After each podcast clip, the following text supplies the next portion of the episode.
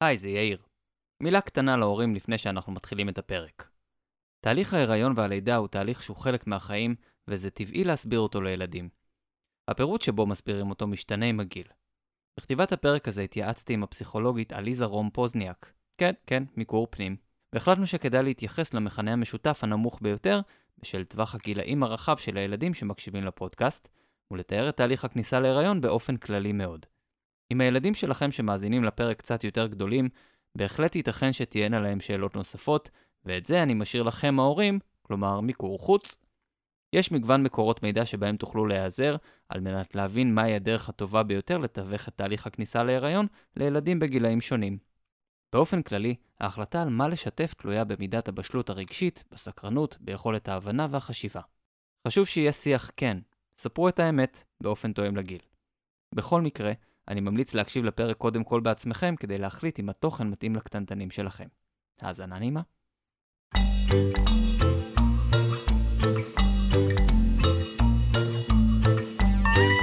מסע אל גוף האדם, פודקאסט לילדים, כותב דוקטור יאיר פוזניה, מגישים יואב ויאיר פוזניה.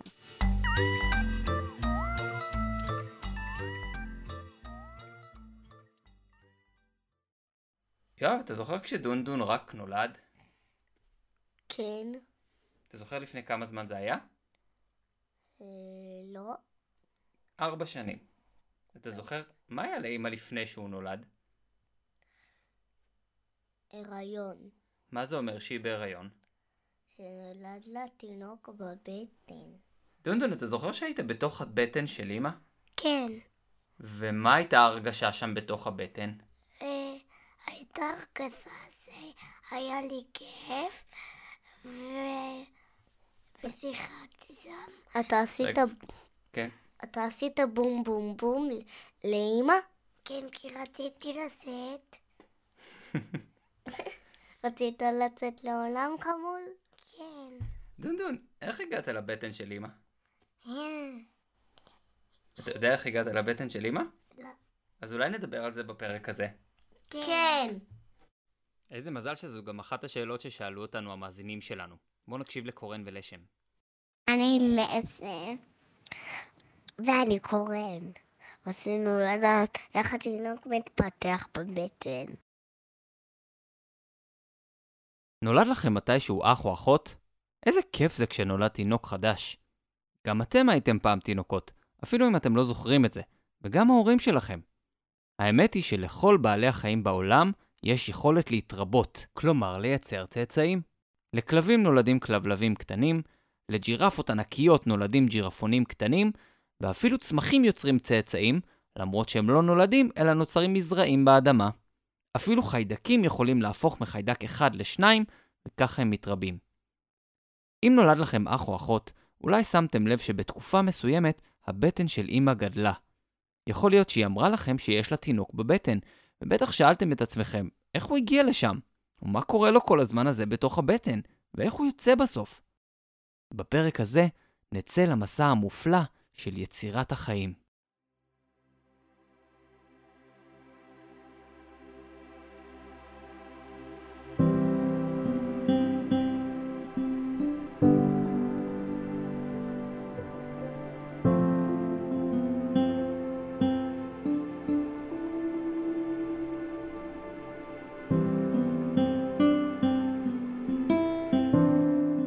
כדי ליצור תינוק צריך זכר ונקבה.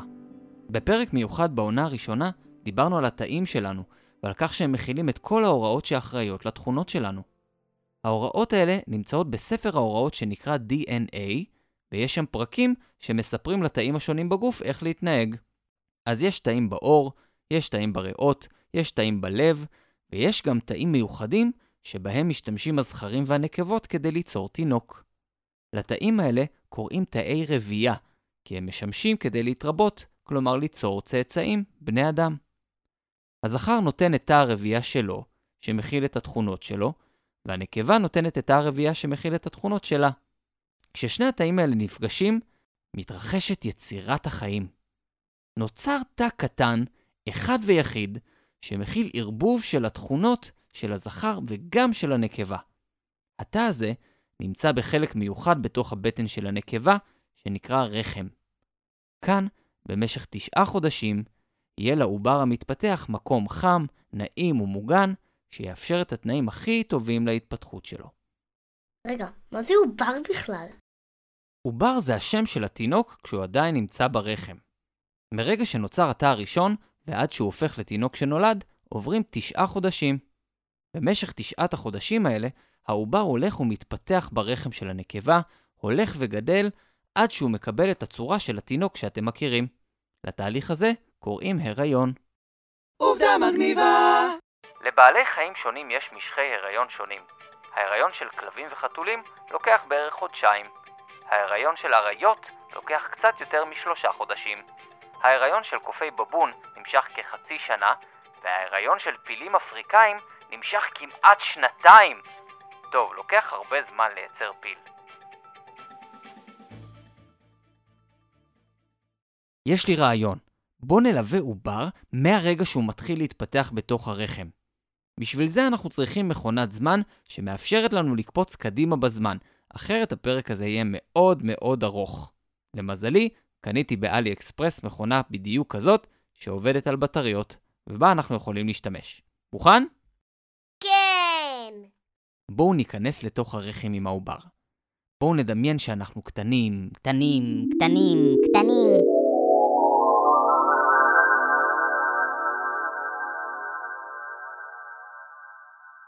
אנחנו בתוך הרחם ורואים את העובר. הוא מכיל רק תא אחד. אבל, היי, מה קורה? פתאום התא הזה גדל וגדל, והופ, מתחלק לשני תאים. ומשניים לארבעה. מארבעה לשמונה, וואו. בתחילת הדרך, חלוקת התאים היא מאוד מהירה, אבל העובר עדיין קטן מאוד. אחרי שבוע בערך מאז שנפגשו תאי הרבייה של הזכר ושל הנקבה, העובר בגודל של פחות מגרגיר מלח. אבל כבר עכשיו מתרחשים תהליכים מאוד מעניינים בתוך העובר. עד השלב הזה, כל התאים נראו והתנהגו בדיוק אותו דבר, והעובר היה בצורה של כדור. אבל עכשיו, חלק מהתאים מתחילים להתנהג קצת אחרת. הם יוצרים מעין קו מקצה אחד של הכדור לקצה השני. ואז הם פותחים את ההוראות בפרק הראשון של החיים, הפרק שמלמד אותם איך להיות תאים של מערכת העצבים. הם לומדים איך להעביר ביניהם אותות חשמליים, ממש כמו שעושים תאים בוגרים של מערכת העצבים. הצינור שיוצרים תאי העצב החדשים הוא הבסיס למוח, ולחוט השדרה, הסגן שלו. תאי העצב החדשים מתחילים לשלוח הוראות לתאים אחרים בעובר, וגם הם מתחילים לאט לאט לפתוח את הפרקים שמתאימים להם בספר ההוראות, ה-DNA. בואו נעביר קצת קדימה. אנחנו עכשיו בערך חמישה שבועות מאז יצירת העובר. הוא כבר הרבה יותר גדול מגרגיר מלח, בערך בגודל של גלעין של תפוח.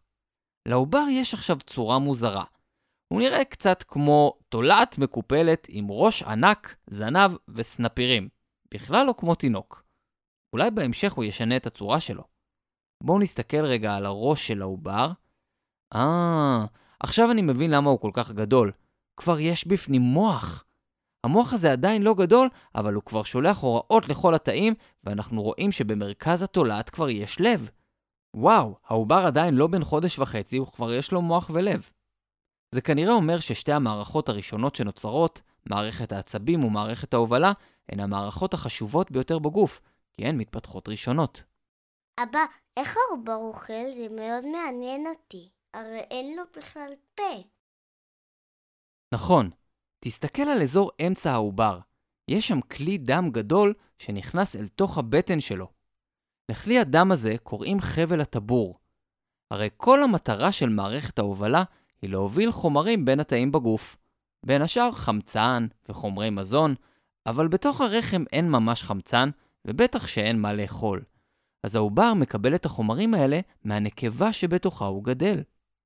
חבל הטבור הוא כלי דם שמחובר אל מערכת ההובלה של הנקבה. כשהיא נושמת, חלק מהחמצן עובר לעובר דרך חבל הטבור, וכשהיא אוכלת, חלק מחומרי המזון עוברים לעובר. אנחנו מדלגים קדימה, ועכשיו נמצאים חודשיים מאז יצירת העובר. הוא ממש גדל ושינה צורה. עכשיו הוא נראה ממש כמו תינוקי קטנצ'יק וחמוד, והוא בערך בגודל של תות קטן. הראש שלו עדיין מאוד גדול ביחס לגוף, אבל הבליטות שלפני כמה שבועות נראו כמו סנפירים, הפכו להיות ידיים ורגליים. בכל אחת יש כבר אצבעות, והן מתחילות להתמלא בעצמות שמתחילות להיווצר עכשיו. ויש פה קטע מצחיק, העובר שקוף. ממש אפשר לראות דרך האור שלו אל תוך הגוף. אנחנו רואים את הלב שפועם, ואת מערכת העיכול שמתחילה להתפתח. מה עוד אנחנו רואים על הראש? יש פה שני חורים מכל צד של הראש. שניים מהחורים האלה יהפכו עוד מעט להיות אוזניים, ושני החורים האחרים יהפכו להיות עיניים. כן, העיניים נוצרות בערך איפה שהאוזניים נמצאות, ורק בהמשך הן משנות את המקום לחלק הקדמי של הפנים. העובר מרחף עכשיו בתוך נוזל שנמצא בתוך הרחם. הנוזל הזה נקרא מי שפיר. הם עוטפים אותו מכל הכיוונים ומגינים עליו, ויוצרים סביבה מאוד נוחה. שלושה חודשים מאז יצירת העובר, ולמעשה רוב החלקים הפנימיים שלו כבר מוכנים. הלב פועם, הכבד והכליות מוכנים, והשרירים מתחילים להזיז את הידיים ואת הרגליים. ואז הוא מתחיל לבעוט בבטן של הנקבה? הוא בועט ממש, אבל הוא עדיין קטנטוצ'י, בערך בגודל של שזיף, אז עדיין לא כל כך מרגישים את זה. איך יודעים אם זה בן או בת? לפי השיער שלהם? בשלב הזה בהיריון אפשר לצלם את העובר בתוך הבטן עם מכשיר מיוחד שנקרא אולטרסאונד. לפעמים הוא מסתובב כי לא מתחשק לו להצטלם, ולפעמים הוא נמצא בזווית שקצת קשה לראות, אבל לפעמים הוא דווקא בזווית מצוינת לראות אם יש לו בולבול או אין לו בולבול. וככה אפשר לדעת אם זה זכר או נקבה.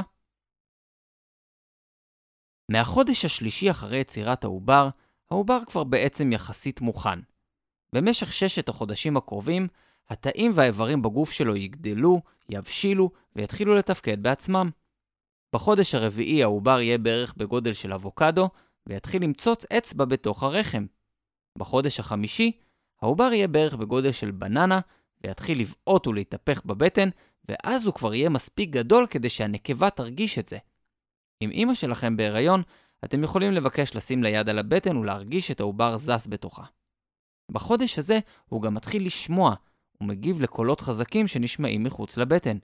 אפשר אפילו להשמיע לעובר מוזיקה אם שמים אוזניות על הבטן. בחודש השישי, לעובר כבר יש חיים שלמים בתוך הרחם. הוא יכול לזוז בחופשיות, לבעוט ולהסתובב. מדי פעם הוא גם ישן. כן, ישן בתוך הבטן, למרות שאין לו מיטה, כשהוא צף לו בתוך מי השפיר. דרך אגב, יש דרך מצוינת להעיר את העובר, וזה אם הנקבה אוכלת שוקולד. הסוכר נספג במערכת הדם של הנקבה, עובר לעובר דרך חבל הטבור, ויכול להעיר אותו. בחודש השביעי יש ציוני דרך מיוחדים. סיום ההבשלה של כל האיברים. העובר מייצר תאי דם אדומים בעצמו, והאיבר האחרון והחשוב שיאפשר חיים של העובר מחוץ לרחם מבשיל, הריאות. הריאות הן האיבר שדרכו העובר יספוג חמצן שחשוב לתאים שלו. כרגע הוא לא צריך ריאות כי הוא לא נושם, הרי הוא מקבל את החמצן דרך הדם של הנקבה, אבל ברגע שהוא ייוולד ויצא לאוויר העולם, הוא יצטרך להפעיל את הריאות. החודש השביעי הוא ציון דרך מיוחד ביותר. למרות שנשארו עוד חודשיים עד לסיום ההיריון, העובר בשלב הזה כבר למעשה מוכן לחלוטין. אם במקרה הוא ייוולד מוקדם יותר מהמתוכנן, הוא יוכל לתפקד כמעט כמו שצריך מחוץ לרחם. לעובר שנולד בשלב הזה קוראים פג. פגים נולדים כשהם יחסית קטנים וחלשים, ולכן לפעמים מכניסים אותם לקופסה מיוחדת שנקראת אינקובטור. האינקובטור חמים ונעים, והם חיים בו במשך כמה שבועות עד שיתחזקו קצת.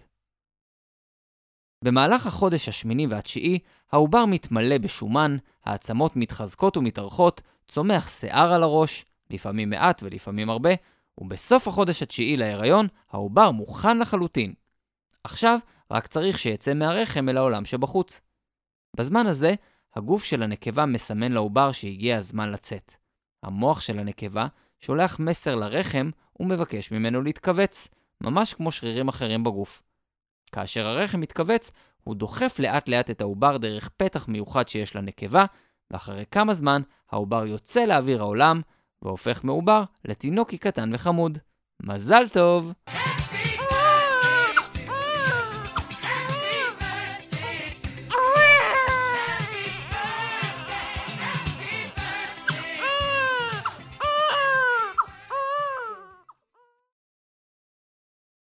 לתהליך היציאה של העובר מהרחם קוראים לידה, וליום שבו הוא יוצא קוראים יום הולדת.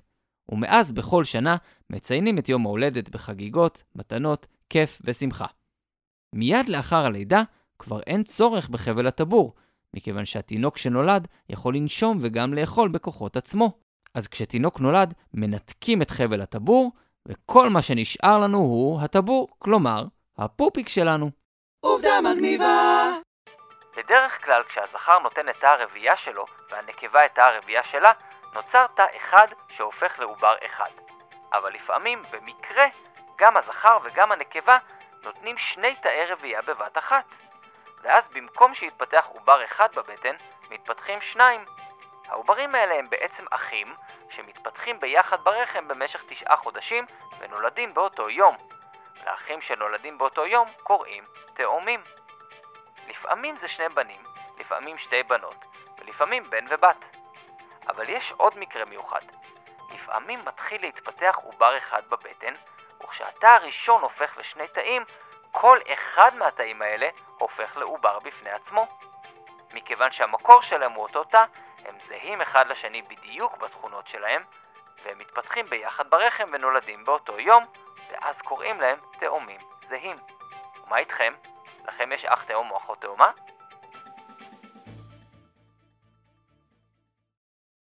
יואבי, מה הדבר שאתה הכי אוהב בדונדונון?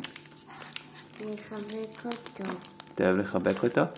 כן. דונדונון, מה הדבר שאתה הכי אוהב ביואב? לשחק איתו. אתם יכולים לספר לי איך זה מרגיש להיות אחים? זה כיף מאוד. רק אנחנו לפעמים אנחנו רבים. דונדון, כיף לך שיש לך אח גדול כמו יואב? וכיף לי גם... והיה לי כיף גם בקמפינג. היה לך כיף איתו בקמפינג שעשינו? מה אתה אוהב לעשות עם יואב? אה, שיחקתי איתו בקמפינג. ולפעמים אתם גם רבים, נכון? נכון. ואיך אתם משלימים? נרגעים. ו...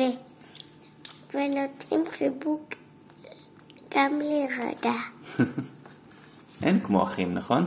כן. זה הכי טוב בעולם. יאללה, תאכלו ארוחת בוקר. אז מה למדנו היום? כשתאי הרבייה של זכר ונקבה נפגשים נוצר עובר.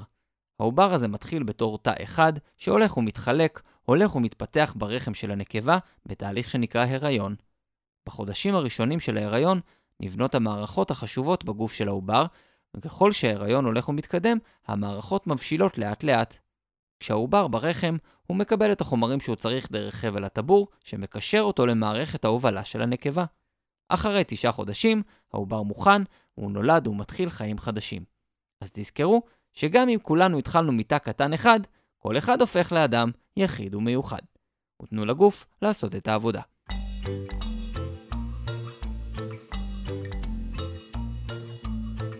זה היה מסע אל גוף האדם.